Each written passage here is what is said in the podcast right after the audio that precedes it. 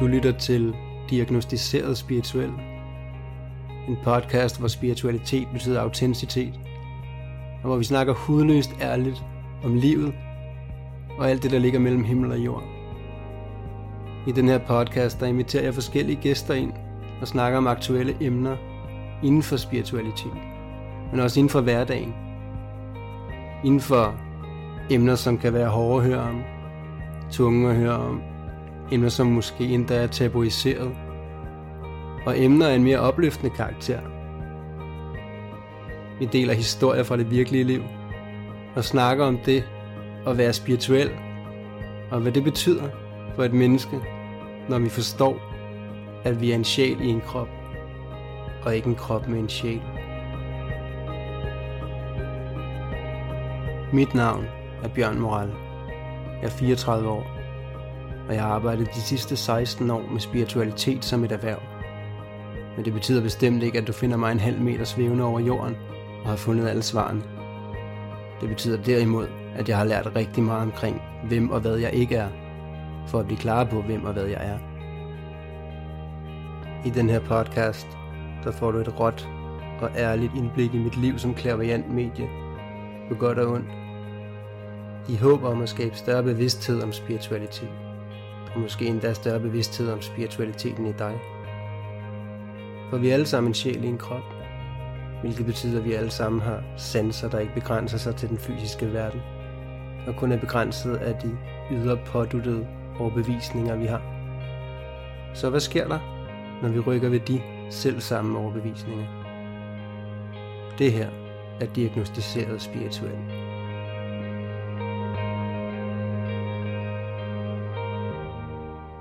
Jeg sidder her med Alex. Alex Gambi. Hvad, hvad skal vi lige for den? Gamberini. Gamberini. det var godt udtalt. Sådan der. Stærkt. øhm, og det gør jeg, fordi vi arbejder lidt i samme felt, øh, som vi skal ind og snakke lidt om i dag. Og det er meget med traumaterapi, som traumaterapeuter i forskellige hjørner. Øh, men inden vi går ind i alt det og ser, hvad der kommer ud af den her podcast, øh, så vil jeg godt lige høre lidt om dig. Har du lyst til at introducere dig selv? Øh, hvor kommer du fra? Hvad er du for et menneske? Hvor gammel er du? Hvad er det, du laver her i ja. dit arbejde? Og så videre. Hvad du lige føler for? Okay, ja. Så tak for at jeg med med. Ja, det er fantastisk, Alex. Ja. Ja, som sagt, jeg er traumaterapeut, og øhm, vi har jo stødt på hinanden i, i, i samme klinikfællesskab. Ja, lad os lige tage den med også, faktisk. Ja. Uh, det synes jeg også er interessant. Ja. Um, Hvor var det, vi var henne? Jamen, det, det er fordi, at Senset, den skole, jeg har, den, den øh, udbydes på, i København på Sali, som er et vanvittigt lækkert sted til at have klienter, eller kurser, eller skoler, hvad det er. Og der, det er jo så den vej igennem, vi har mødt hinanden. Øh, og de lavede jo så det her, den her lille korte weekend for dem, der udbyder ting på Sali, øh, for ligesom også at kompetenceudvide, men også øh, at lære hinanden bedre at kende som udbyder generelt. Og det var så der, vi mødte hinanden. Ja. Øh, og jeg kan godt, det er så et års tid siden, eller halvandet, eller noget i den stil. Og der kan jeg huske, at vi snakkede ikke så meget sammen, men jeg kan huske, at din energi resonerede. Øh, og det virkede til, at det ligesom var begge veje. Men der gik jo noget tid, før vi ligesom tog den videre. Øh, så her for noget tid siden, inviterede du mig ud på en date. Altså ikke øh, romantisk date, men bare sådan, hey, du resonerer, lad os ud og drikke noget vin, og det synes jeg var mega sejt. Det synes jeg var mega sejt. Uh, det ja, der... Jeg er inviteret på en kop te, men uh, du opgraderer den til... Ja, det var det sådan, det var? okay, okay, okay, det er måske også mere sobert, men, men det endte med, at vi drak lidt vin. Det var meget hyggeligt. Det var super hyggeligt, og fandt ud af, at vi havde rigtig mange uh, paralleller gennem livet også, uh, som jeg har delt meget om i den her podcast, så uh, kommer jeg jo også fra kriminalitet, og skulle lære en masse omkring, hvem og hvad jeg ikke var, for at blive klar på, hvem jeg er. Og det gælder jo for os alle sammen, og, og der har du lidt nogle paralleller der også. Uh, at du har haft lidt hårdere liv bag dig ja. på nogle områder, og ligesom ja. har fundet ind til, hvem er, hvem er Alex, og hvad vil jeg? Øhm, det tænker jeg, du kan ikke genkende til. Det, det kan jeg helt bestemt. Ja, ja, fantastisk. Og vi har jo været vidt omkring i vores liv, og vi fandt faktisk flere paralleller den aften. Øhm, også at vi måske begge to har haft lidt tema omkring det her med kærlighed og seksualitet, og vi lige skulle ud og, og runde nogle ting. Øh, jeg har været meget, eller ikke meget, jeg har været en del i både polygame forhold og polyamorøse forhold, og så videre, øh, og er nu et sted, hvor jeg så er landet lidt mere i en balance omkring det, kan man sige, men der var også nogle paralleller der i hvert fald, og det har der været sådan lidt løbende med os, øh, var meget tydeligt, og så havde vi bare en god aften. Øh, og så øh, er mit arbejde jo at mærke ind i andre mennesker, og det var tydeligt for mig, udover at du resonerede, at du også var, du var autentisk og helhjertet, øh, både til, til stede i, hvor du var, men også i dit arbejde. Så, så det var meget tydeligt for mig i hele din energi, at, at du havde en enorm kompetence, og også at du havde nogle nøgler til at arbejde med mennesker, for jeg ved også, at du har mange klienter igennem. Ja. Øhm, og du kalder dig jo så også øh, traumaterapeut, det, hvilket det giver mening, det, det arbejder jeg jo også i. Øhm, og det er det, vi skal snakke om her i dag, og hvad, Ja. altså, hvad der kommer ud af det, det, det må vi så se på. Ja. Men, men traumaterapeut, ja, hvad, hvad, tænker, hvad tænker du om det? Jeg, jeg er uddannet psykoterapeut, og, øh, og senere begynder at videreuddanne mig i, traumaterapi øh, meget tidligt inde i uddannelsen som til psykoterapi. Der fandt jeg ud af, at vi kiggede på skygger, øh, og, øh, og jeg har altid været meget optaget af at finde rådårsagen til vores problemer, og forstået meget tidligt, at vi skal, vi skal dybere ned end bare skygger. Vi skal, Ja. vi skal ned og forstå trauma. Vi skal ned og forstå de reaktioner, vi gør, som er som ikke tjener os eller, eller verden, hvor vi gør hinanden utrygge eller er i en utryg tilstand, kommer af, kommer af trauma. Ja, som oftest også ligger i barndommen jo, Præcis. selvfølgelig. Øhm, og det vil jeg gerne snakke lidt mere ind i, det der, hvordan det påvirker vores, igennem vores liv, fordi at de styrer os jo lidt på autopilot. Ja. de her traumer, øh, og også ofte dybere, end vi måske selv lige ser. Og, det, og jeg synes, det er rigtig godt, du tager det her op med, at det ligger dybere end skyggesider. Fordi det her med at kigge på skyggesider, det kan i sig selv være, være hårdt arbejde. At se sig selv sandt, at se hele mennesket i sig selv. Men de her traumer, øh, som kommer helt fra barndommen oftest, de er meget styrende for os. Øhm, og jeg, jeg tænker, at, at der ligger også, nu har vi ikke snakket så meget om det faktisk, dig og mig, men jeg tænker, der ligger nogle paralleller i, hvordan vi arbejder med det. Ja. Øhm, men, men vil du prøve at sætte nogle ord på, hvordan du arbejder med det? Ja. Altså kort fortalt, så oplever jeg det fineste, vi kan gøre for hinanden som mennesker, det er at gøre hinanden trygge. Og øhm, når vi har oplevet traume, så er der noget, der er gået for stærkt. Der er noget, der har været for svært at rumme. Der har været for meget af det, Noget, vi ikke forstår. noget vi ikke forstår, Ja. noget vi ikke kunne rumme. Så det jeg gør, det er at sætte tempoet ned Mhm. i terapien, og lade det udfolde sig langsomt, så vi kan på en tryg måde begynde at se det igen, det vi ikke kunne rumme dengang. Mm. Det er, det er den korte version af Den det. korte version, ja. Du Ja. arbejder også meget med breathwork, ved jeg. Lige præcis. Og det er ret interessant. Ja, igen, Ja. det ved jeg ikke særlig meget om, men jeg Ja. ved, at det har meget på sig. Ja, Øh, Men det bruger du også i din traumaterapi. det gør jeg i uh, særlige gruppesammenhænge, hvor jeg har erfaret, at vi kan komme steder hen med holotropisk åndedrætsterapi, eller rebirthing breathwork, det har mange navne efterhånden. Der kan vi komme steder hen i psyken, vi normalt ikke har adgang til. Mm. Det kan vi gennem øh, åndedrættet. Mm. Og øh, det smukke er i de rejser, det er, at vi kan få adgang til ting, som har været svære, og se dem fra et trygt sted i os, Ja. og kunne rumme det. Øhm, vi kan komme tilbage helt for, vor- til vores fødsel, Mm. og ikke bare se det som en minde, men fuldt ud genopleve det. Ja. Vi, Ude, og, og, der vil jeg også lige indskyde, øh, genopleve det, mærke det, men, men uden at retraumatisere, ikke? Lige præcis. Ja, den, Lige den er ret vigtig. Ja. Ja. Så vi genoplever det med det voksne Ja. nervesystem. Lige præcis. Vi genoplever det med vågenhed fra et trygt sted. Ja, det giver super meget mening. Super meget mening. Jeg ved ikke, det vil jeg også lige dele med dig, når jeg, øh, det kan være, det resonerer lidt dig, eller giver mening i forhold til den måde, du arbejder på. Øhm, men når jeg går også ind og laver traume, det har jeg mange nøgler til, og mange indgangsvinkler på, men, men noget, som er vigtigt, øh, har jeg fundet, at at kende til den her hukommelse, vi har i vores celler, og i krop, og i hjerne, og i sjæl. Altså, vi har jo, vi har jo hukommelse hele vejen rundt. Øh, og alle vores øh, celler har jo ligesom en antenne på, som, som også øh, lytter til, hvad vi bevidst og eller underbevidst tænker hele tiden.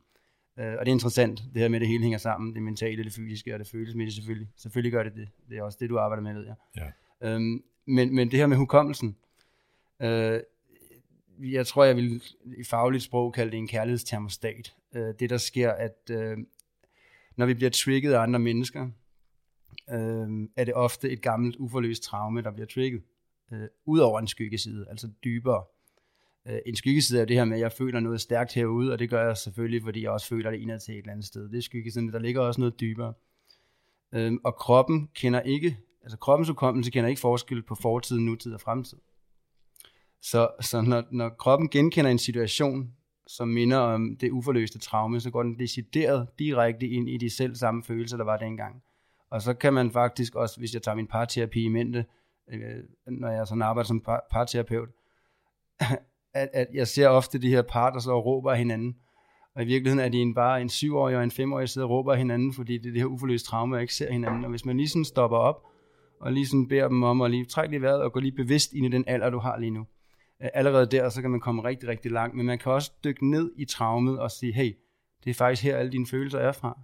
Og det der med at rumme sig selv, og give sig selv den kærlighed, og, og give sig selv de behov, der ikke er blevet mødt dengang, det kan være enormt forløsende i nutiden. Ja. At man er bevidst om sin kærlighedstermostat, og det er, bare- det er bare det ord, jeg bruger på det. Mm. Men, men den genkender du den? Helt bestemt. Og sikkert et fint ord for det. Ja, det er ikke mit ord, men, men Mm. mm. ja. Ja. Så du arbejder også med det her med hukommelsen, at det er ligesom, for, for traumet er det ligesom nutid igen. Ja. Og øh, jeg arbejder med det sat igennem kroppen, Ja, hvor en øh, gradvis øget bevidsthed i kroppen fremkalder hukommelse, som vi normalt ikke har adgang til. ja det var, det var fint. For det, det var faktisk også det, jeg ville snakke ind i, at øh, når jeg går ind og skal, skal guide folk ind i de her traumer for at forløse dem, så de ligesom kan få noget ro i deres nutid. De kan ikke huske de her ting, for et traume er jo også, at hjernen lukker ned for det for at beskytte os. Så de kan ikke huske det. Men når man sådan kommer ind til kernefølelserne omkring det, det er også en teknik i sig selv at lige komme derind, fordi de første følelser, man lige oplever, det er jo egoets tolkning, og så ligger der en dybere, lidt sandere, og en dybere, lidt sandere, indtil det kommer ned til roden af det. Hvis det giver mening, at vi har flere følelser på samme følelse, så bliver mere autentiske, nu mere vi sådan lige mærker os selv. Øhm, så, så det her med, at vi kommer, øhm, at vi kommer ned i cellernes hukommelse, øh, fordi at cellerne og kroppen kan godt huske det her traume. Og når man kommer ned og arbejder ud fra de her mere autentiske, øh, rodagtige følelser i traumet, så kan man faktisk bede kroppen, bede cellerne om at vise, hvor traumet er opstået. Hvornår er det første gang, du har mødt de her følelser?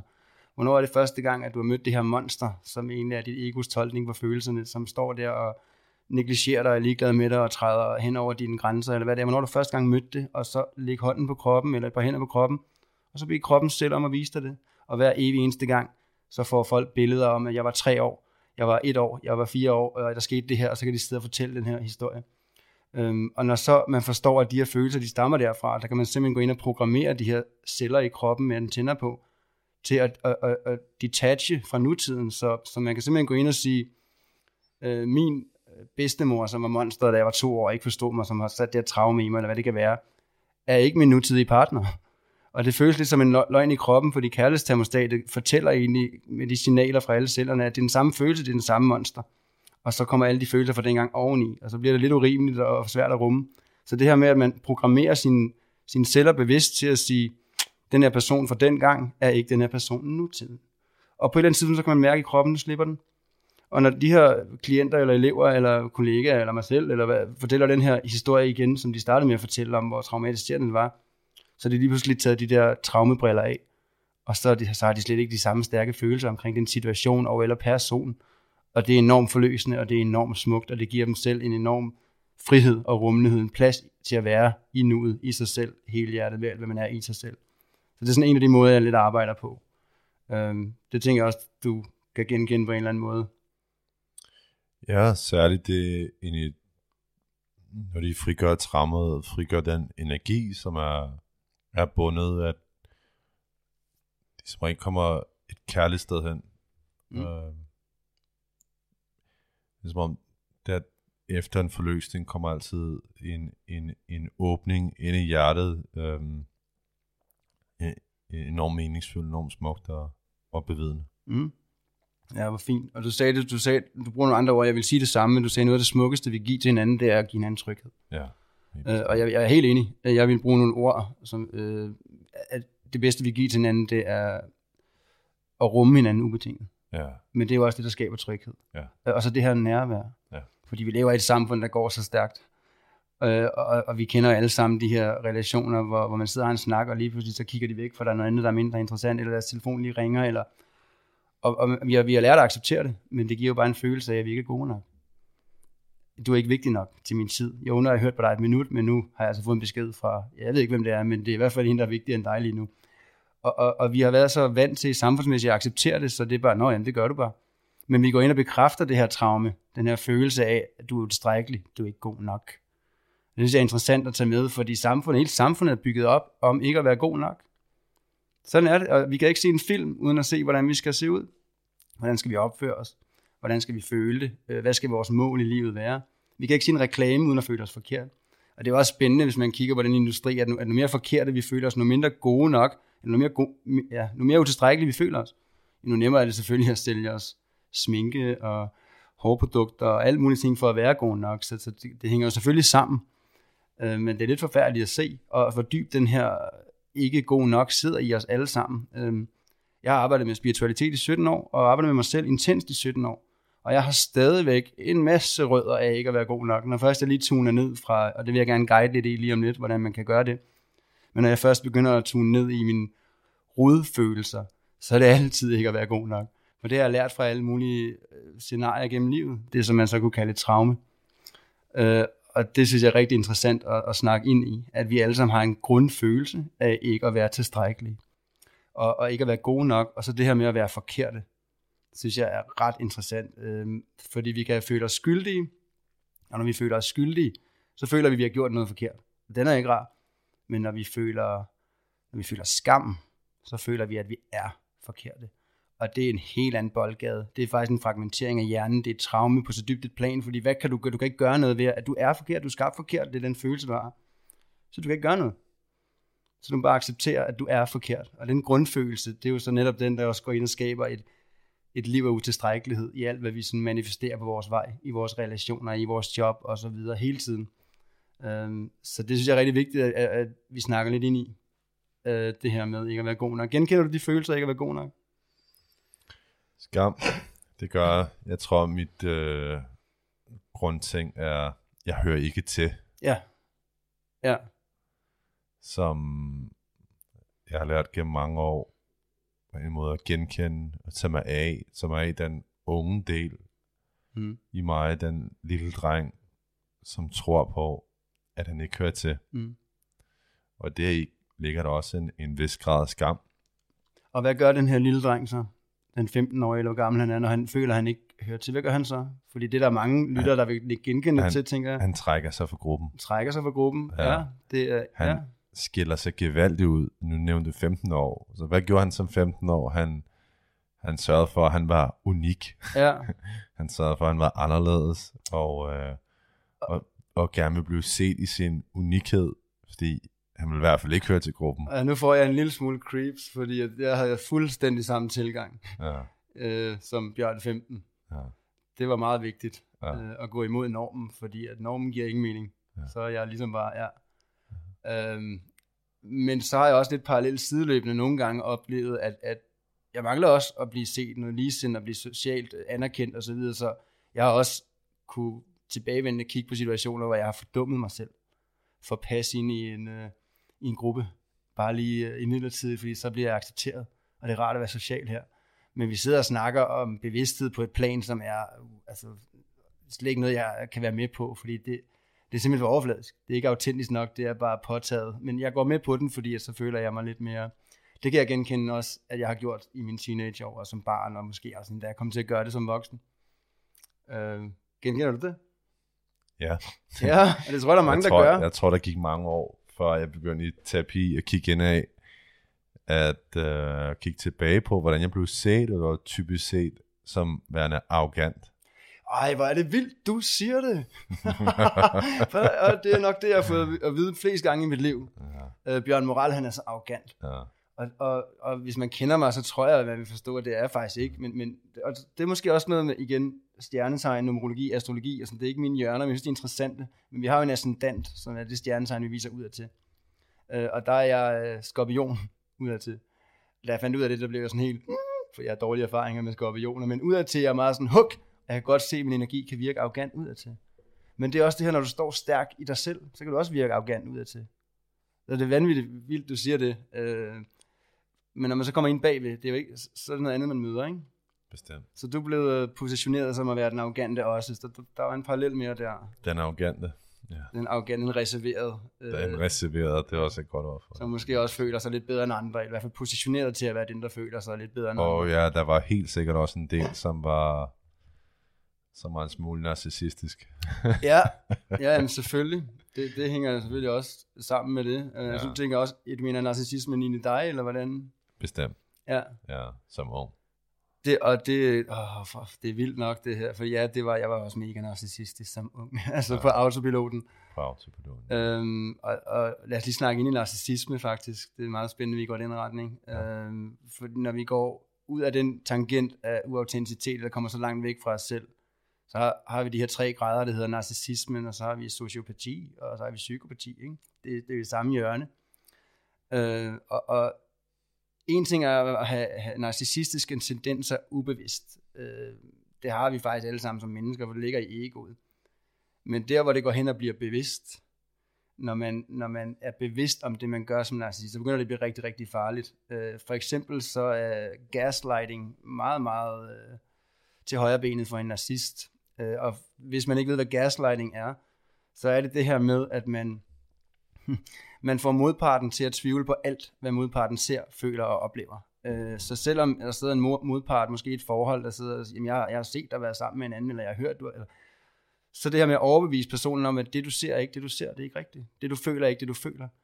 Øh, og hvis man gør det bevidst, narcissistisk går ind og, og simpelthen manipulerer folk på den måde, det er jo et vanvittigt overgreb i energien, og jeg har haft rigtig mange, øh, meget arbejde også med mig selv, men også med klienter og elever, at der har været ude for den her narcissistiske bevidste træk, at de mister fuldstændig sig selv. De ved ikke, hvem de er til sidst. Det er jo en fuldstændig identitetskrise, de, de lige står ud foran. Og der har vi igen et enormt traume. Og det er jo sjovt, at vi begge to arbejder med traume på det plan, vi også gør, og vi selv har haft de her tendenser. Fordi at da jeg var meget spirituelt åben som teenager, og kunne mærke ind i alt, øh, jeg kunne knække folk psykisk, hvis jeg ville, for jeg kunne mærke, hvor deres svage punkter var. Men jeg, min etik og moral var ikke noget, jeg ligesom havde mødt endnu. Så jeg har mange gange lavet ting som teenager, hvor jeg ikke vidste, at det var det, jeg gjorde. Men der var en, en dag, der bare står klokkeklart for mig, da jeg begyndte at gå i gang med selvudvikling som 17-18 år. Og det var den her bevidsthed om, ja, jeg kan flytte rundt med mennesker som brækker, jeg kan manipulere dem, jeg kan gøre lige, hvad jeg vil, jeg kan mærke ind i. Altså, så der var også mange, der var bange for mig, fordi hvad hvis han lige pludselig... Og det kan jeg godt forstå. Fordi jeg brugte den her narcissisme, jeg brugte den her manipuli. Men lige pludselig en dag, så rammer det mig bare, at hvis, hvis jeg er uærlig, hvis jeg manipulerer, øh, hvis jeg gaslighter, øh, med, for 10 af vigtige hjørner af, af whatever, som også er manipuli, så fratager jeg retten til selv at vælge for andre mennesker. Og da den ramte mig, der satte jeg mig grad. Fordi frihed for mig som skytte, eller bare Life Path 5, eller bare bjørn, som jeg er, frihed er så vigtig. Frihed er så vigtig for mig. Og det at tage friheden væk fra andre mennesker, det, det, lige så var det bare klart, hvad det var, jeg gjorde. Så jeg satte mig ned og græd, og da jeg var færdig med at græde, og rumme mig selv og undskylde over for mig selv, og jeg har gjort det ved andre mennesker og mig selv, så lavede jeg ligesom en ed over for mig selv. Så nu vil jeg leve sandt, jeg vil leve ærligt, ubetinget ærligt. Og det er lige meget, hvor meget nosser det kræver. Jeg vil være ærlig. For det er den bedste måde at passe på mig selv på. Der er aldrig noget, der kommer bide mig i røven. Øh, det er også den bedste måde at passe på andre på. Øh, og så det her med at sætte andre mennesker frie. Det, det var simpelthen vigtigt for mig, og det har jeg levet efter lige siden. Øh, men det er selvfølgelig også, som sagt, for at sige lidt groft, det har krævet nogle også nogle gange. Og, og så er der så også det, det aspekt med, at vi kan kun være så ærlige over for andre, som vi kan være over for os selv. Så det der med at grave ærligt ind i sig selv, og blive mere og mere autentisk, har jo selvfølgelig også en, en stor del af det. Øhm, men jeg har det meget svært ved at være sammen med mennesker, som ikke har opdaget den her øh, nøgle i, i ærlighed. Fordi at, at der er mange, der siger, at jeg, jeg, jeg er ærlig, men, men, men altså lidt hvide løgne, det er okay. Og, og der plejer jeg at sige, der, der, lad os lige snakke ind i den, de der hvide løgne der, ikke? Ja. Og, det, og der vil jeg også lige snakke ind i øh, placation. Øh, men de hvide løgne, altså jeg plejer at sige, hvis du går over grænsen til Tyskland, om du går et skridt over grænsen, eller du går 10 km over grænsen, så stadig i Tyskland, du er over i løgn. Enten så er du sand, eller så er du ikke sand. Færdig, bum. Og den er rigtig hård at høre for mange. Og det kan jeg virkelig godt forstå. Som sagt, jeg satte mig lidt grad, da det gik op for mig, hvad jeg gjorde ved andre mennesker. Øhm, giver det mening noget af det, jeg siger her? Det gør det. Ja. Det gør det. Jeg bliver mindet... Øhm, en øh, øvelse, jeg fik fra min øh, mester i meditation. Og det var, at øh, han sagde, du skal prøve at være komplet ærlig, blot i to dage. Ja, Og øh, i starten, da han gav mig den udfordring, forstod jeg ikke opgavens dybde. ja. Hvor lang tid siden er det her bare nysgerrig? Nogle år tilbage, eller ja, nu skal jeg selvfølgelig ikke sætte det i, i munden på dig. Men er det sådan en nyere Jeg tror, oplevelse? det er 14 år siden. Så det er nogle år tilbage? Ja. Ja, hold da op. Ja, okay. Øhm, Og du er 38 i dag, det tror jeg ikke, vi fik Ja, med, 38, ikke? Er det, jo, for jeg har lige jo, været til 38. din fødselsdag, så det, Det er det, rigtigt. ved jeg. det er rigtigt, 38 dage. Da han gav mig den her opgave, og jeg ikke forstod dybden, så gik det hurtigt op for mig, at øhm, jeg sagde meget for at behage andre. Ja, bang, Ja, der var den. Og det er jo det, det, er jo det der hedder placation. ja Kender du det begreb Nej, som, som et det- fagligt udtryk? det, det gør jeg ikke, nej. Nej, øhm, ja, vil du sige noget mere på det, inden jeg lige sætter ord på, hvad...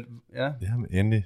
Prøv at sætte ord. Sæt den ord. Nej, men det er faktisk det er super vigtigt, at du tager det her op, fordi det er noget, der også ligger meget dybt i vores samfund, og i også mennesker generelt, det er den her øh, behov for placation. Også hvis man har været sammen med en, en narcissist, eller har en narcissistisk øh, relation på en eller anden måde, som går ind og, og gaslighter, går ind og, og overgriber dig i energien, øh, rent mentalt, øh, angriber dig osv., så går vi helt, næsten per autopilot, så går vi i placation. Og placation, det er at gå i en uautentisk side af sig selv for at, at bane vejen til, at der måske ikke kommer en konsekvens. Jeg har nævnt det her tidligere i en anden podcast, nu nævner jeg det lige igen, hvor jeg bruger jeg samme metafor, så hvis man har hørt med, så må man lige tage det med.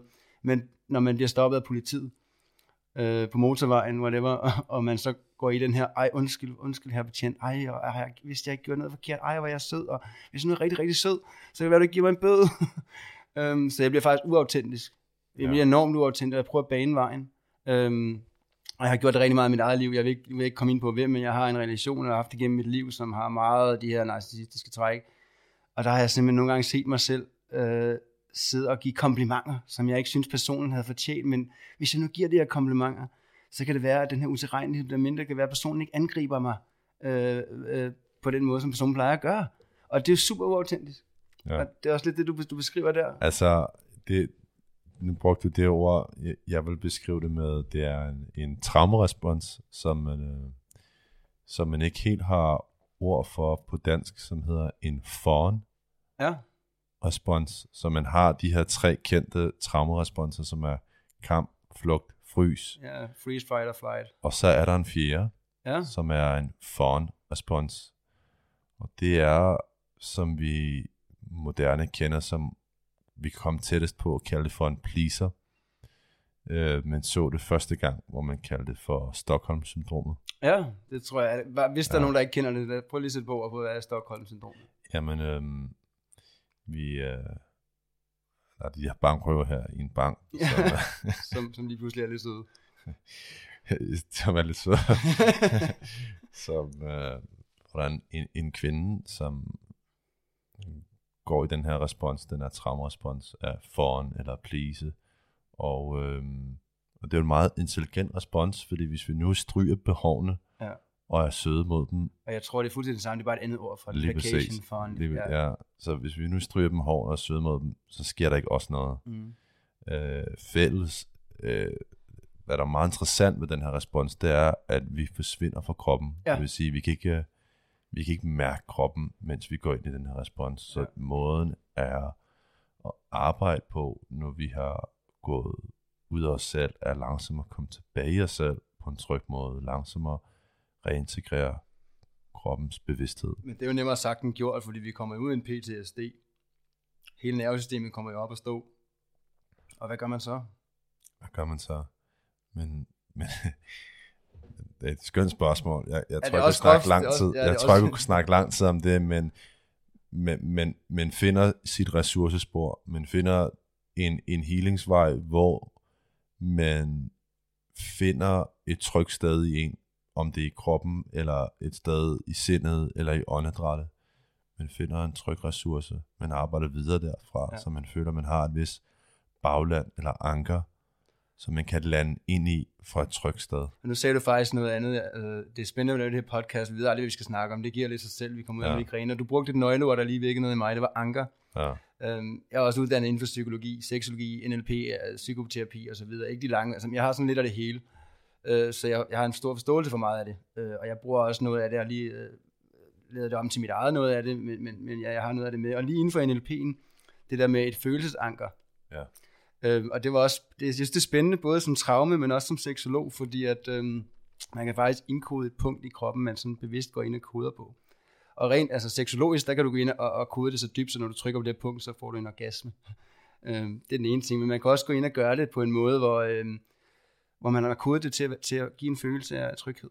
Så hvis man er i noget, der er utryg, eller ved at trigge et traume, eller i PTSD, eller hvad det kan være, at man så går ind og trykker på det her punkt, som man har kodet ind, det her følelsesanker, og så får man bare en ro indenfra.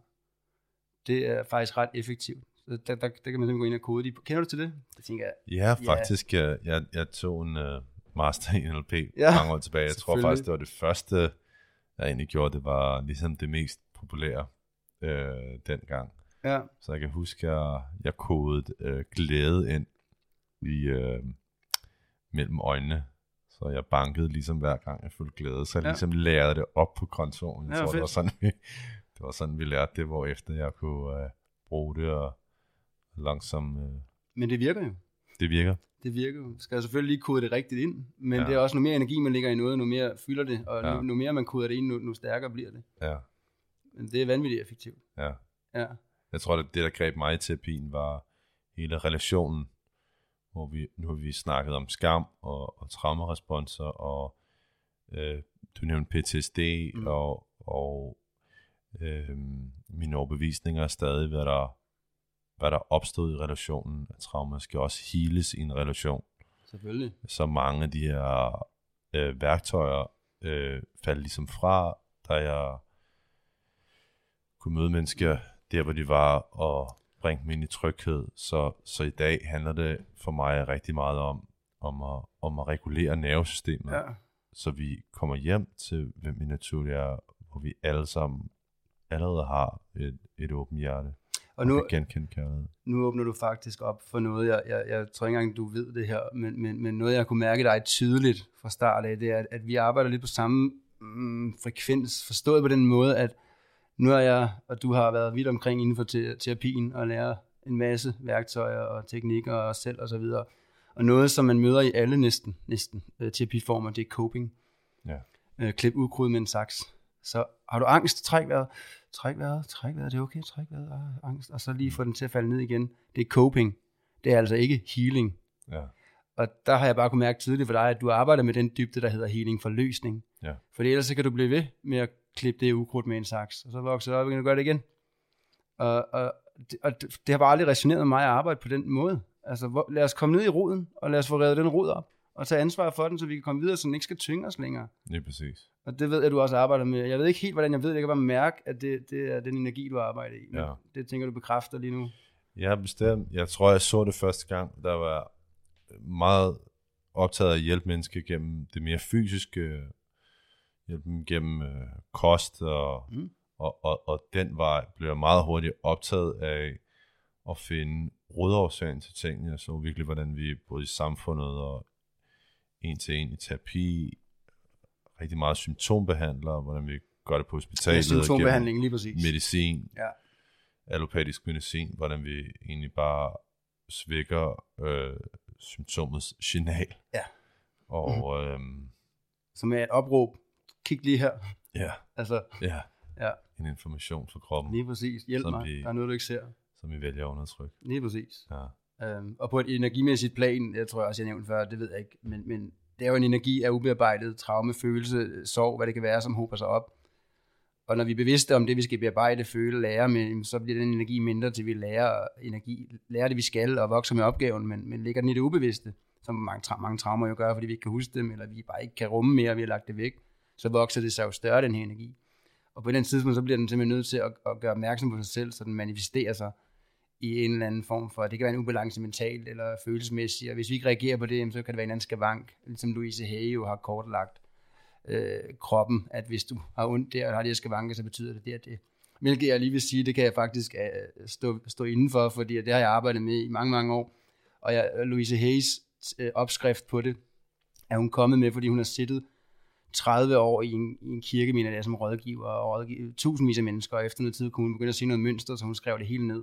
Og efter 30 år, tror jeg det var, så havde hun, havde simpelthen en opskrift.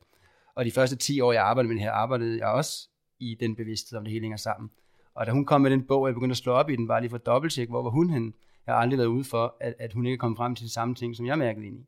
Så, så jeg ved, at det kan man bruge til noget. Så nogle gange, så kan det også bare være, jeg, jeg kan egentlig bare lige se, hvad Louise skriver. Øh, og der er nogle ting, hvor jeg kan sige, for eksempel så siger hun, knæene, de står for egohed og stedighed. Og det gør de også, men hvis du så går lidt dybere ned, så, så er der også barndomstraumer for eksempel. Der.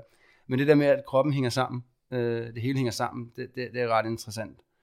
Øhm, og nu tror jeg, at vi krammer helt ud i en tangent, for nu kommer jeg lidt tilbage for, hvad jeg er ved at snakke ind i. Øh, kan... Vi er ved at snakke ind i ærlighed. Ærlighed, det var en... Jeg fik den opgave. Ja, det er rigtigt. Jeg fik det var, den undskyld. opgave med at være fuldt ud ærlig i, øh, i to dage. Hvilket jeg øh, efter to dage forstod dybden af, hvor, hvor ofte det er, jeg vælger ikke at tale sandt for at behage. Ja, og så er vi tilbage til pleasing, og vi er til de traumer lige og kom, ja, øh, og placation, ja. Ja. Øhm, Og øh, hvor meget det egentlig gav mig, den udfordring. Han, han så mig så meget mildhed, og han, han kunne virkelig se mig uden fordømmelse, hvilket så jeg turde og gå ind og, og med, med den ærlighed til ham, mm, og sige, det, den her opgave, den, ja. den, den kunne jeg ikke løse. Nej, okay, så var du simpelthen så ærlig. Det var jo netop at være ærlig. Ja, Det var jo så var faktisk lidt paradoxalt, for du løste Ja. ja. opgaven, men det gjorde jeg ikke. ja. Wow. Jeg, kunne elsker, være- den, jeg elsker du, den autenticitet, jeg møder i dig. Det er fantastisk. Mm. Det er også, øh, også derfor, du sidder her i dag, for jeg kan mærke dig helt som menneske. Øh, jeg vil lige, øh, det var en gave fra Kemo, der lige kommer ind, øh, at nogle gange så mister din røde tråd. ja. kemohjerne, eller hvad man kan. Men, men nu vil jeg bare lige samle den igen. Øh, og det var det der med, at, at, at når vi har noget ubearbejdet i energien, så manifesterer det sig til en skavank eller en sygdom eller hvad, og så kan man kigge på den følelsesmæssige årsag, og så ligesom få løst op for det fysiske. Så det var bare lige for at afslutte den, det her med, at, at kroppen råber os op. Så når vi går tilbage i det her med at, at klippe ukrudt med en saks, du kaldte det symptombehandling, jamen så er vi lige vidt. Altså så ligger det stadigvæk og vokser, og det, og det Ja. er vigtigt, at man har den bevidsthed, at, at og jeg leder, det leder mig lidt over i det, en af mine hjertesager, hvor jeg har, øh, og jeg skal lige sige, jeg er ikke, øh, jeg er ikke imod hverken sygehusvæsenet eller, eller psykiatrien eller noget, det er slet, slet ikke sådan, jeg faktisk værdsætter rigtig meget, men der er nogle, nogle steder, hvor vi totalt clincher, og det er for eksempel med, med lykkepiller, der bliver udskrevet, som var det slik, og det det jo egentlig gør, det går ind og lægger en dæmper på alle følelser. Jo, du kommer ikke ned og mærke de dybere følelser, jeg kommer ikke op og mærke de gode følelser, livet er meget monotont, hvilket selvfølgelig ikke skal være, fordi det, livet skal sanses, følelses, opleves. Men selvom vi ikke mærker de her følelser, og vi oplever den her monotonhed, så er energierne stadigvæk, de følelserne ligger stadigvæk dernede, selvom vi ikke kommer i kontakt med dem. Så de ligger bare og vokser, og så laver man ligesom den her bombe, og lige pludselig bang, en bombe, når den springer, så manifesterer den sig i en sygdom eller en anden skavank. Ja. Det, det synes jeg er vigtigt at have med. at, at vi bliver nødt til at tage ansvar for de ting, der ligger ind, og det er jo ikke fordi universet eller Gud, eller hvad man synes, man, hvilke ord der resonerer, det er jo ikke fordi vi bliver straffet, det er jo netop fordi vi skal ned og lære noget om os selv. Øh, alle mennesker, om de vil stå ved det eller ej, har det bedst i udvikling. Jo, deres ego vil højst sandsynligt sige, at jeg har det bedre i comfort zone, der er trygt.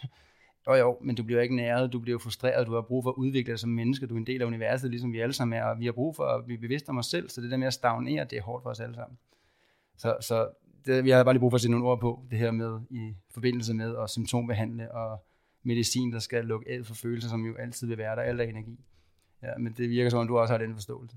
Så Helt bestemt. Og Når du siger stagnering, så kan vi gå tilbage til øhm, traditionel kinesisk medicin. Vi kan gå tilbage til den kugle kejser, øhm, hvor der står meget tydeligt, den forståelse, man allerede havde derfra, de sagde meget tydeligt, al sygdom opstår fra en stagneret energi. Ja. Og det gjorde ligesom grobund for den holistiske øh, tilgang, vi kan se i dag, som spreder sig i verden, at vi kan begynde at arbejde og forstå verden, mennesket, livet som et energifænomen, mm. som skal være i altid i bevægelse. Mm.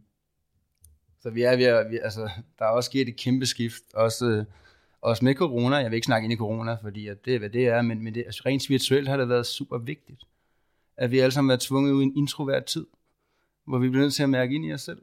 Super vigtigt for os, sådan en kollektiv bevidsthed, at vi begynder at blive lidt mere opmærksom på, hvad føler jeg inde i mig, i stedet for at flygte ud i somi, eller flygte ud i at drikke sig fuld, eller arbejde, eller hvad man kan. Nu er du bare hjemme. Nu mærker du bare dig selv. Og der er vi kommet rigtig, rigtig langt, mærker jeg også. Øhm, selvfølgelig, vi har langt endnu, det har vi altid have, men, men jeg kan bare sige, jeg kan mærke, at der er sket en forskel. Folk er blevet mere bevidste om, hvad der sker inde i sig selv. Og nu mere bevidste vi er om, hvad der sker inde i os selv, nu kortere afstand har vi faktisk til hinanden. Og det synes jeg er ret fint, lige at sætte nogle ord på. Ja, jeg tror, jeg læste din artikel forleden. Jeg, jeg, jeg kan ikke huske tallene helt præcis, men øhm, jeg læste en artikel omkring et søge, søgeord på det her TikTok, Ja, var øhm, øh, søgeordet spiritual meaning ramte 2,9 milliarder hits. wow. Og Hold det var da op. det, det er primært i en, øh, dem, der bruger det medie, øh, var primært i en alder fra 10 til, til 19, som 19 år, som jeg kan forstå. Øh, det gav mig en, en utrolig øh, vågenhed ind i, hvor vi er som samfund, Mm. at, at, at det, det, det, det, er jo, det er jo et enormt tal, Det jo- hvor folk ja. går ind og søger øh, spirituel mening. Det, det, gav, det gav en ny kontekst for, hvor vi er henne Ja. ja. kollektivt. Jeg, var, jeg er vild med, at du deler det her. Og så er ungen alder også, at det bliver så naturligt. Ja. Altså jeg tænker, de, Ja. de fleste fra vores generation øh, vokset op med forældre, der måske har rummet det, måske ikke har rummet det, men i hvert fald ikke vidst noget om, øh, at, hvad, en sjæl, siger du? Har vi, ja, det kan godt være, vi har en sjæl. Der, øh. Altså der er, ikke, der er ikke det der med, at vi bliver mødt i forståelsen. Der er sket et kæmpe skift. Vores generation med de børn, vi nu har i vores generation, vi møder også bare øh, de her børn på en anden måde, og forstår, at de vibrerer højere, og de kommer med noget information, de er vores lærermestre. Så det er blevet mere naturligt for dem at, at være i deres spiritualitet, hvor, hvor jeg skammede mig meget over min. Jeg turde ikke, at- da det endelig gik op for mig, jeg turde ikke at dele det. Indtil jeg tænkte, fuck det, nu er jeg mig, og jeg, jeg er en sjæl i en krop, og sådan er det. Og det er du også. og så må du mærke ind i, hvad det betyder for dig, men for mig, der betyder det det her. Men der var rigtig meget forkerthed forbundet med det. For når jeg endelig bare åbnede lidt op for, at jeg mærkede og sansede nogle ting, så blev jeg også kigget på, som om jeg var, "Ah, hvad siger du? Skal du ikke have noget medicin? Ja, det, det tænker jeg ikke. Øhm, Så ja, det er rigtig vigtigt, at du, du, du lige tager den op, øh, for der sker en kæmpe udvikling. Øh, Så jeg, jeg, jeg er meget spændt på fremtiden, sådan rent globalt og den kollektive bevidsthed, fordi vi er faktisk, på trods af en følelse af, at vi aldrig har været længere væk fra hinanden, så har vi faktisk aldrig været tættere på hinanden, fordi vi har en større forståelse af os selv, og dermed også en større forståelse af hinanden. Ja. Det synes jeg er ret fint. Ja. Øhm, og så vil jeg lige hoppe tilbage til noget, jeg lige øh, kom til at love tidligere i, øh, i den her podcast, øh, som jeg tænker, du måske også kan smide noget ind i, men, men det var det her med, hvordan kan man arbejde lidt med sig selv på egen hånd derhjemme, når man sådan mærker, jeg har stærke følelser, jeg ved ikke, hvor de kommer fra. Ja. Fordi noget, vi også gør, tænker jeg, vi begge to arbejder med, det er, at, at når der kommer en klient til os, eller en elev, eller hvad det er, så, så, så leverer vi en objektivitet, og rummer den objektivitet, så de kan se sig selv, og se bag om der, hvor de har skyggesider, eller hvor de, hvor de har skamfølelse, eller hvad det kan være, traumer. Det, det er meget det, vi gør. Øhm, men det kan man ikke nødvendigvis gøre bare en hånd. Vi kan kun være så ærlige, som vi kan være over for os selv, som vi nævnte tidligere i podcasten. Øhm, men hvis man mærker de her stærke følelser, og ikke kan være i sig selv, så har vi selvfølgelig som samfund en tendens til at dulme. og Det kan være i arbejde, det kan være i sport, det kan være i alkohol, det kan være i stoffer, det kan være mange ting. Sociale medier. Sociale medier meget, ja, jeg ved faktisk ikke, hvorfor den poppede, fordi det er måske en af de helt store. Vores kære Det er- mobiltelefon. Ja, vores ja. kære mobil, vores tryghed. Sidder ja. på en eller anden restaurant eller bar med en, en date eller en ven, og så går personen på, på toilettet, og så op med telefonen, for jeg skal ikke sidde her alene og kigge ud i luften. altså, det, det er jeg faktisk begyndt at være meget opmærksom på, det her, Ja. hvis jeg sidder et eller andet sted offentligt med andre, og de går på toilettet, så prøver jeg virkelig at være opmærksom på, at ikke at tage min telefon op, for jeg må gerne være ham, der ikke lige har nogen at snakke med lige nu, og jeg behøver ikke at dykke ned i sociale medier. Og jeg kan også mærke, at jeg gør det, jeg er stolt af det, men jeg er også udfordret på det. Jeg er sådan lidt, lidt for selvbevidst omkring mig selv lige nu. men jeg gør det, jeg konfronterer det, for jeg vil ikke være ham. Og så en gang imellem, så, så ryger den alligevel op den telefon op, så lad mig lige. Men altså ja, den er, den er en stor del af vores liv, den der sociale medier. Ja. Absolut. Men jeg vil gerne give et lille værktøj med, øh, til hvordan man kan arbejde med sig selv, sine følelser, og komme lidt mere i, ned i de sande dybder, ned i rødderne. Øhm, jeg har snakket lidt ind i det før, og jeg har også lavet en video på YouTube, der hedder, sådan fjerner du din angst, men jeg kan lige sætte nogle ord på. Øh, for jeg nævnte tidligere, at, at når vi har en følelse, så er det egoets tolkning. Og, og når mere sådan, vi mærker og rummer den og kommer ned i følelserne, så vil der være andre følelser, der er kædet sammen med, og den vil næsten altid rod i ikke at være god nok. For det lærer vi gennem livet. Øhm, og det lærer vi også igennem skolesystemet med karakterer, du fik det her øh, syvtal eller otte-tal, eller hvad. Du kan være bedre, du er ikke god nok. Eller du fik høje karakterer her, du fik lave karakterer, du er ikke god nok. Og det samme med uddannelse, samme med job. Øh, du fik ikke job, du er ikke god nok. Samme med kæreste. Nej, hun vil ikke være din kæreste, du er ikke god nok. Eller vi er ikke venner mere, du er ikke god nok. Og kig på en reklame til en film, du er ikke god nok. Vi har det igennem hele livet. Den er der bare. De der rødder, og den kan man ligesom gå ind og finde og få løst, og det giver noget enorm frihed og indre ro. Men hvordan gør man så det? Det kan man jo gøre på mange måder. Men en af de måder, som jeg arbejder meget ind i, øh, det er det her med, at når man mærker en stærk følelse, så træk lige vejret. Breathwork, det er så dit hjørne, men lige træk vejret ind i næsen og maven, ud af munden og lige puste sig ned i kroppen. Og så prøv ærligt over for dig selv selvfølgelig. Hvor mærker du den her følelse fysisk i kroppen? Er det på skuldrene? Er det på halsen? Er det i halsen og i øh, underlivet? Er det, altså, hvor mærker du den? Og så læg en hånd på, eller hænderne på.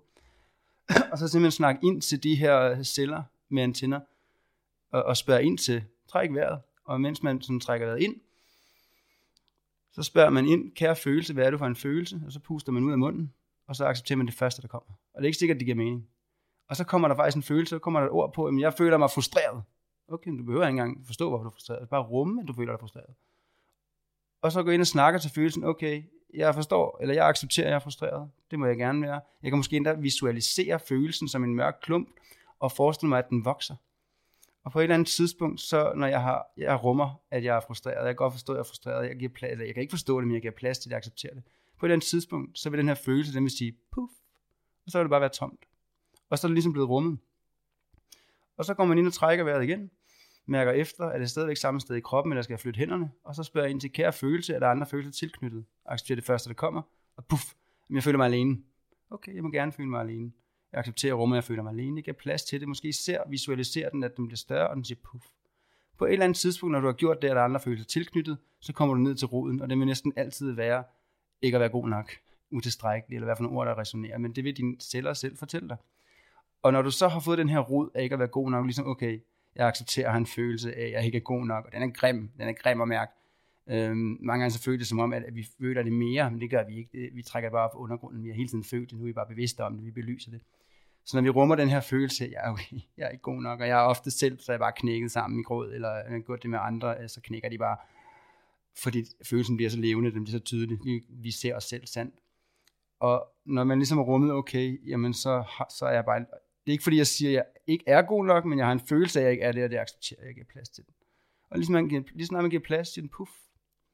Og når den siger puff, den rød der, så er det fuldstændig ligesom en, øhm, en tisel i jorden. Du kan ikke hive en tisel op, for den er rød alle steder, og den kæmper imod, man kan man sige med modhager, men lige snart den er død, den tisel, så slipper den, og så kan du faktisk bare trække den op med alle de der rødder. Og det er lidt det samme med den her energiklump af en rod af ikke at være god nok inde i sig selv. Så når den er død, det kan være, den holder op med at lyse, eller du bare kan mærke, at der er ikke er liv i den mere, eller opleve det på din egen måde, der er ikke noget rigtig forkert. Gør det på din egen måde. Eller brug din fantasi, hvis det er nemmere for egoet. Og så simpelthen bare med fysisk hånden suge den ud, den der klump med alle de der rødder, der er nede i benene op ad ryggen, eller hvor de kan være, så vil man bare trække den ud og smide den ned i jorden. Og derfra så har man ligesom et hul af energi i nisser, hvor det her traume, den her rod, den sad. Og vi har alle sammen tre skytsingene med os. Vi har også mere end det. Vi har alle mulige afdøde, der passer på os, og genkendelige familie på den anden side. Vi er mange, der passer på os. Men vi har blandt andet tre skytsingene med os, og det er for at passe på os, fordi det ved godt, når vi kommer herned, så er det ikke lige så let, som vi troede, da vi skulle herned. Og der kan vi bede dem om hjælp, og det, det fritstiller dem, fordi der er noget, der hedder fri vilje, og der er nogle ting, de bare ikke må gøre, før vi har bedt dem om hjælp. Jeg beder for eksempel ofte om healing om aftenen, når jeg skal have healet et eller andet, fordi at det, når jeg beder om det, så må de gerne gøre det, så kan det virkelig gøre en forskel. Og der kan man bede dem om at sende en ny rod, som ofte har samme størrelse, men lyser i alle mulige farver. Bare acceptere, hvad I ser, eller det kan også være, I føler det, det kan være, I ser det, det kan være, I bare har en fornemmelse af det, det er lige meget. Men når I siger det sådan, det er, så er det sådan, det er, så vi oplever det. Og der kan I tage den her nye rod, som har lidt samme form, forskellige farver lys, simpelthen plante den på jeres egen måde, gerne fysisk med hænderne, plant den ind i det hul, der er, hvor den anden rod sad. Og så simpelthen mærke, hvordan de her nye rødder, de, de, de gror ned af de der tomme gange, og måske endda endnu dybere. Og så lægge en hånd på, træk vejret ind i næsen, ned i maven, og puste luften ud. Og så simpelthen snakke ind, kære rod, hvad er det for en følelse? Accepter det første, der kommer. Og der er der lige pludselig en følelse, at jeg føler mig glad. Okay, jeg må gerne føle glæde. Pust den op, mærk glæden, florere rundt i hele din krop med. Jeg, jeg accepterer, jeg rummer, at jeg føler glæde. Men positive, højt vibrerende følelser, de siger ikke puff. De integrerer sig bare i din bevidsthed, i dine celler, i din krop, i din sjæl, har jeg lyst til at sige. Det er så smukt. Og når den ligesom kan mærke, at nu falder plads, jeg føler mig glad, jeg føler mig let, kan jeg råd, at der andre følelser tilknyttet. Jamen, jeg føler mig, øh, jeg føler mig stærk. Okay, jeg må gerne føle mig stærk. Jeg føler mig let. Jeg føler mig tryg. Jeg må gerne føle mig tryg. Og så kommer vi også ned til den rod, der hedder, jamen, jeg føler mig god nok. Jeg føler mig tilstrækkelig. Jeg må gerne føle mig tilstrækkelig. Jeg må gerne føle mig god nok. Der har, der har fandme aldrig nogensinde i hele tidslinjen været nogen som mig. Aldrig nogensinde. Det kommer aldrig til at være nogen som mig. Det kommer aldrig til at være nogen, der kan give det, jeg kan give til andre. Det accepterer det rum, jeg det forstår jeg. Jeg er fantastisk. Det gør mig til et unikum. Jeg er fucking unik. Jeg må gerne føle, at jeg er unik. Jeg må gerne føle, at jeg er fantastisk. Og den siger ikke puff, den her følelse, den integrerer sig bare. Og når man kommer ud på den anden side af det arbejde der, jamen, så er man nede i kroppen, man føler sig let, og så har man lige pludselig bevidst taget ansvar for de følelser, de programmer, man har. Det er en måde at arbejde med det på. Og det er enormt effektivt. Jeg bruger det meget i mit eget liv. Jeg bruger det også meget, når jeg guider andre. Øh, så den vil jeg lige give med her. Giver det nogen form for resonans, når jeg deler det med dig her, Alex? Jeg synes, det er meget smukt. Jeg, jeg gik selv med ind i rejsen og gik ind i kroppen, da du, da du guidede det her. Um, hvis jeg skal komme med en, en, en anden ting, mm. og nu nævnte du det her med at trække vejret, og vi kan blive grebet, hvor, hvor hjernen ikke virker helt som den skal. Vi ja. ikke helt kan huske, ja. hvad var det for nogle værktøjer, vi fik? Hvad var det nu, vi skulle? Ja. Så blot træk vejret ind, og på din indånding kan man sige til sig selv, jeg er tryg. Og man ånder ud, kan man sige, jeg ånder ud. Jeg giver slip. Så på en indånding, jeg tryg. På udånding, jeg giver slip. Så det kan være en enorm simpel ting, når, når hjernen ikke virker. En anden ting kan være orientering. Os... Jeg, må, må jeg, lige, jeg bare lige sætte på ord på det, du lige sagde. Ja, fordi det er enormt powerful. Og det bliver sådan lidt hurtigt sagt, men det kan virkelig gøre en kæmpe forskel. Jeg gør det, når jeg laver, jeg laver altid energicirkler på min hold, og de er altid intuitivt guided, så de er forskellige, men ofte, når de står der og sender energi og arbejder med energi, så kommer det ned, og nu skal de sådan trække vejret ind, og mens de siger til sig selv, jeg er, og når de puster ud, så er det kærlighed, eller jeg er øh, rigtig, som jeg er, eller det er meget intuitivt, hvad der kommer ned. Men når vi siger, snakker til os selv på den måde, med enten det er højligt med, med lyd, som jo er lydhealing faktisk, eller vi gør, tænker det, så reagerer alle vores celler jo efter det. Ja. Og der er jo de her tre glas ris, som jeg tænker, du kender til. Det var en CIA-agent i 60'erne. Jeg tror, det var sådan, det var, der fandt ud af det. Kender du ham? Eller kender du den historie? Ellers så kan jeg lige sådan genfor... Også til en lytter, kan lige genfortælle det. Uh, det var ham, der ligesom fandt ud af, at øh, når man snakker kærligt til et vandmolekyl, så bliver det smukt og symmetrisk. Og hvad er vi 70-80% vand eller sådan noget andet. Men når du snakker grimt til det, så bliver det asymmetrisk. Så øh, han tog tre glas ris, fyldte op med ris og fyldte op med vand. Og så snakkede han bare i tre måneder kærligt jeg skal lige sige, jeg har en ekskæreste, der gjorde det her også for lige at bekræfte det samme resultat, men han snakkede tre måneder kærligt til det første glas ris. Krammede det, jeg elsker dig, Ude, fantastisk. Andet glas, glas ris.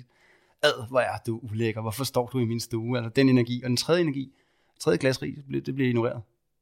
Efter tre måneder kunne man godt spise det første glas ris.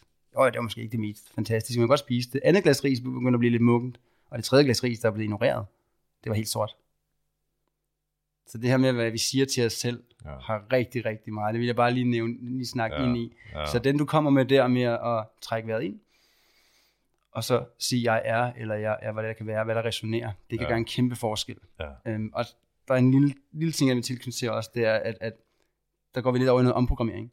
Fordi at, at når, jeg, når jeg siger til mig selv, hvis jeg har et program med, at øh, jeg er forkert her, eller jeg er ikke god nok, eller jeg har også tidligere nævnt snakket ind i, at jeg, jeg fik tildelt et program, om jeg, kør, jeg ville køre galt, når jeg kørte bil, hvilket ikke gav mening, det var ikke mit program, der kom ud fra, men så blev jeg bange for, det var et program, jeg kunne mærke frygten, hvor jeg så fik at vide af min lærer dengang, at du skal bare vente. Du skal bare tage den tanke af, i stedet for at sige, at jeg, kom, jeg, jeg, jeg kører galt, så vend tanken og sige, at jeg kommer sikkert frem. Og det vil føles som en løgn i hele kroppen, fordi at programmet er allerede sat. Men bliver du ved med at, at vende den 10 gange, 100 gange, 1000 gange, eller så dybt programmet er lige pludselig, så vil den vende sig. Og det gjorde den også for mig der, en eller anden dag, der kan være ude og køre bil, hvor den så kommer Nå, en Bjørn, du kommer jo sikkert frem. Jeg siger, ja, selvfølgelig gør jeg det. Hvorfor tænker jeg det? Nå, det er det nye program. Øhm, så, så det her med, at selvom man snakker sig selv og siger, jeg er tryg, jeg er kærlighed, det kan godt være, det føles som en løgn, men bliv ved med det, fordi på et eller andet tidspunkt, så vil det programmere sig ind i dit bevidsthed, og så vil det blive din virkelighed, det bliver dine følelser. Så den er super vigtig, den du tog op der. Ja. Tak for det. Og så den anden ting, jeg afbryder dig i, jeg vil bare lige uddybe lidt her. Ja, altså, så, så, så, så når vi ikke ved, hvad vi skal gøre, og vi ikke har nogen tips og trick, og hjernen er simpelthen gået offline, så kan vi bruge orientering. Vi kan orientere os i rummet. Vi kan se os omkring i rummet, som bringer os tilbage i nuet. Så fokus, det er det, du siger. Fokus, orientering, vi kigger os om i rummet. Mm. Vi ser, hvad ser vi lige nu? Fordi hvis vi bliver grebet af tanker, som tilhører fortiden, Ja. et ekko fra fortiden, så kan vi bruge orientering til at komme tilbage i nuet. Det giver super god mening. Hvis vi ikke er trygge ind i kroppen, eller ikke har Mm. bevidsthed i krop, ikke kan mærke krop af forskellige grunde, så kan vi altid bruge synet. Mm. Orientere os. Og jeg vil bare supplere, at der hvor vores fokus er, der strømmer vores energi. Ja. Mm. Så det er også med hvad for nogle tanker, fordi vi har alle sammen mørke tanker, der kan komme fra naboen, eller fra ubearbejdet traume, af barn, eller fra kæreste. Det kommer mange steder fra, men det er bare energier. Og vi har en tendens til at tænke, jeg er mine tanker, jeg er mine følelser, og det er vi faktisk ikke. Vi er the observer. Vi skal bare observere de her ting. Men vi kan godt vælge, hvad vi dyrker. Dyrker jeg de mørke tanker? Ej, jeg tænker mig, jeg føler, tænkte det her, jeg føler mig forkert. Ej, der er noget helt galt med mig. Jeg dyrker jeg det? Eller tænker jeg, nå ja, det var en mørk tanke, whatever. Og så dyrker den her følelse eller tanke af, at jeg, jeg er sgu et meget godt sted. Altså vi kan også faktisk bevidst vælge, går vi offer, eller går vi i negligerer øh, alvoren, eller hvad kan man sige, går vi i, øh, jeg tager ansvar, jeg fokuserer, jeg lægger min energi, mit fokus, og strømmer min energi i det opløftende. Ja, det kan være lidt nemmere sagt end gjort, men, men, men det kan man faktisk. Det ja. Ja. tænker jeg også, du giver, gen, nikker genkendende til. Ja. ja. Så fokus. Fokus. Orientering. Tusind tak. Ved du hvad, Alex, det har bare været en, det vidste jeg, det har været en fornøjelse at snakke med dig. Uh, det skulle ikke undre mig, at vi kommer til at lave noget mere om nogle andre emner, men vi har også siddet og snakket snart en time. Ja. Ja, det går, det går stærkt, når man er en dejlig selskab. Og, øh, jeg vil bare sige tusind, tusind tak, fordi du kommer og bruger din tid her. Det, det, det er fandme fedt. Og du er bare en fed fyr. Uh, Selv tak. jeg Jeg kan- jeg kan- kan stærkt anbefale at tage ind og møde Alex Gamier. Gambarini. Og Gambarini, undskyld. Ej, det bliver det akavet. uh, det kan jeg stærkt anbefale. Uh, men hvis man tænker, hey, ham der Alex Gambarini, han, uh, han resonerer.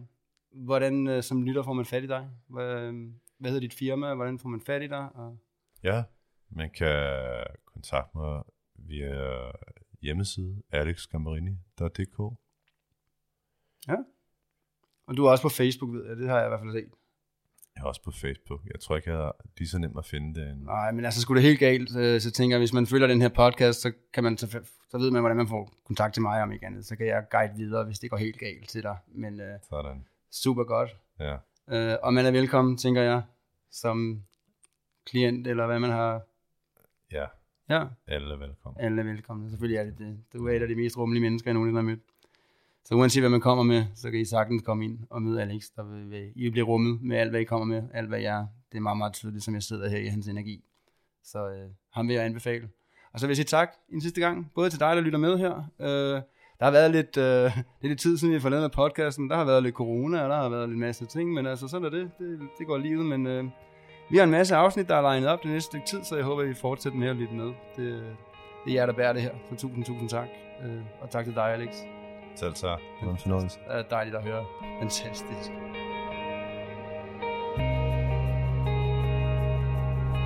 Det her er diagnostiseret spirituelt.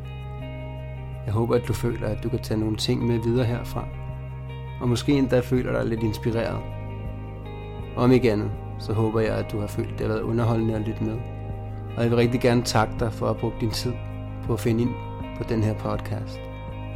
Og skulle du føle, at den har givet dig noget positivt, så vil jeg blive meget glad, hvis du vil dele det med familie og venner, og gerne i dit netværk, og eventuelt skrive mig en anmeldelse. Om ikke andet, så håber jeg, at du vil lytte med i næste afsnit, når vi igen går i luften med et emne, der har brug for at se dagens lys.